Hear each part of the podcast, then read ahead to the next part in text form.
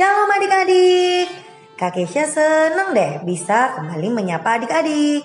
Adik-adik pasti seneng juga kan bisa dengerin suara Kak Kesha. Ayo ngaku. Nah adik-adik senangnya bukan karena dengar suara Kak Kesha ya. Tapi karena bisa dengerin renungan harian audio cerdas berpikir. Yeay.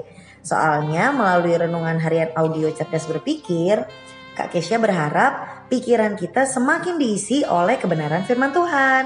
Amin adik-adik. Nah, adik-adik, renungan harian audio ini masih dalam edisi Natal ya. Hari ini Kak Kesha akan membawakan renungan harian yang judulnya Anugerah dan Masalah. Langsung aja deh, kakak mau bacain ayatnya dari Lukas 1 ayat 26 sampai 31. Ini adalah pertemuan Maria dengan malaikat Gabriel.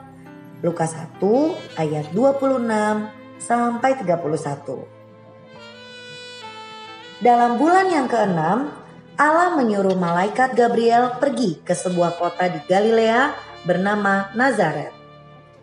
Kepada seorang perawan yang bertunangan dengan seorang bernama Yusuf dari keluarga Daud.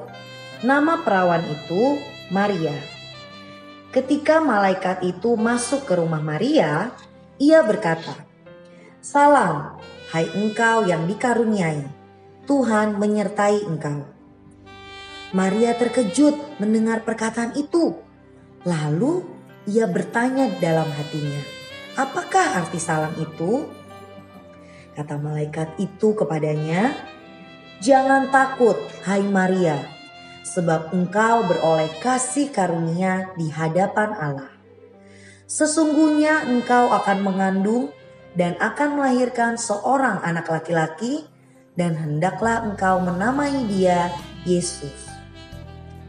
Adik-adik, untuk lengkapnya adik-adik bisa baca ya di Lukas 1 ayat 26 sampai 38. Oke? Nah, adik-adik, di ayat tadi dikatakan bahwa Maria itu beroleh kasih karunia di hadapan Tuhan. Oke, gini deh. Kalau adik-adik bingung soal kata kasih karunia di ayat 30-nya tadi, coba kita lihat dalam terjemahan sederhana bahasa Indonesia. Ayat tersebut berbunyi seperti ini nih adik-adik. Lalu malaikat itu berkata lagi kepadanya, "Jangan takut Maria, Allah sangat baik hati kepadamu jadi dikatakan bahwa Allah sangat baik hati kepada Maria. Allah memakai Maria supaya melalui Maria Tuhan Yesus lahir. Wah, wanita mana adik-adik yang gak bahagia kalau dikasih kepercayaan untuk bisa melahirkan Tuhan Yesus? Allah sangat baik hati kepadanya. Hmm, tapi coba deh adik-adik, bentar deh, coba kita pikirin yang dialami Maria itu sebenarnya anugerah atau masalah ya. Soalnya nih, Maria kan akan mengandung.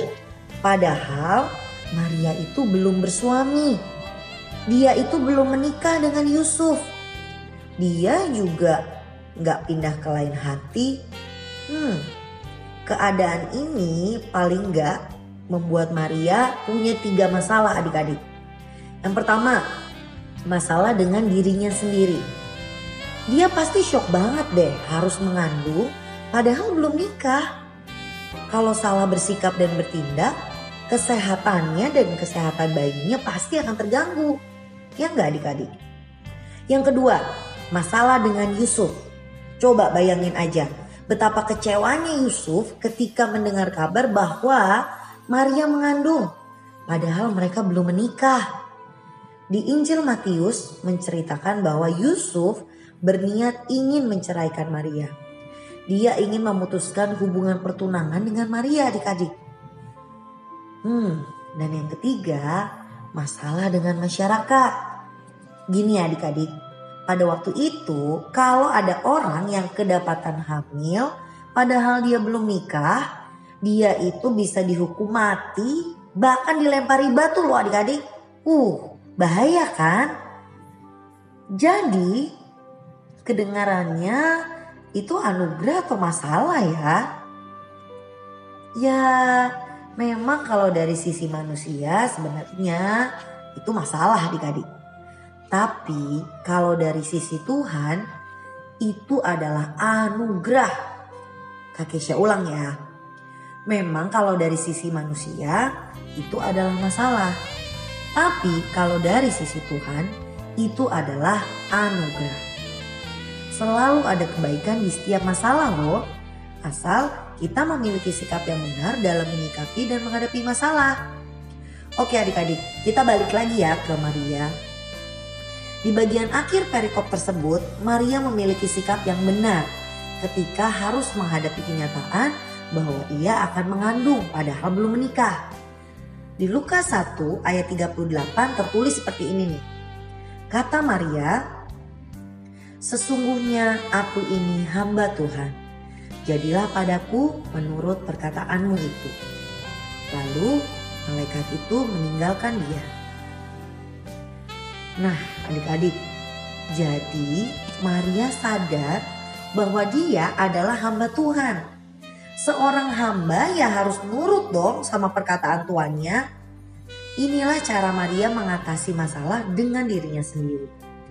Dan ternyata Allah menyertai Maria Yusuf yang tadinya berniat mau menceraikannya, eh ternyata didatangi malaikat dan malaikat itu bilang bahwa Yusuf jangan menceraikan Maria karena Maria sedang mengandung dan akan melahirkan Tuhan Yesus. Yusuf sangat dibutuhkan untuk jagain Maria. Nah adik-adik bahkan soal masalah dengan masyarakat nih ternyata Maria aman-aman aja tuh. Dia nggak dihukum mati Bahkan setelah Tuhan Yesus lahir, para malaikat menampakkan diri kepada gembala untuk menyaksikan Tuhan Yesus yang telah lahir. Ini semacam klarifikasi bahwa Maria mengandung padahal belum menikah itu karena dia memang harus melahirkan Tuhan Yesus. Nah, adik-adik, Natal mengingatkan kita bahwa hidup ini memang penuh masalah. Tapi kalau kita memiliki sikap yang tepat, bagi Allah masalah bisa jadi anugerah. Kalau kita sadar bahwa kita adalah hamba Tuhan dan berusaha menuruti perintahnya, maka pasti ada pembelaan Tuhan bagi kita demi kemuliaan namanya. Yuk kita berdoa adik-adik. Tuhan Yesus, kami mengucap syukur atas firman-Mu yang Engkau berikan bagi kami hari ini.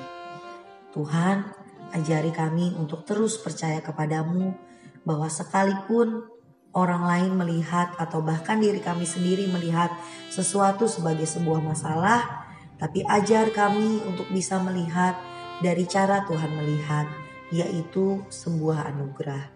Kiranya setiap hal yang terjadi dalam hidup kami itu boleh membentuk iman kami bahkan menguatkan kepercayaan kami kepada Tuhan dalam seluruh aspek kehidupan kami. Terima kasih Tuhan Yesus untuk firman-Mu. Di dalam nama Tuhan Yesus kami berdoa dan mengucap syukur. Haleluya. Amin. Nah, jadi seperti itu adik-adik. Oke? Tetap semangat, tetap sehat, dan tetap jadi berkat. Oh iya, selamat menyambut Natal ya. Tuhan Yesus memberkati adik-adik. Dah.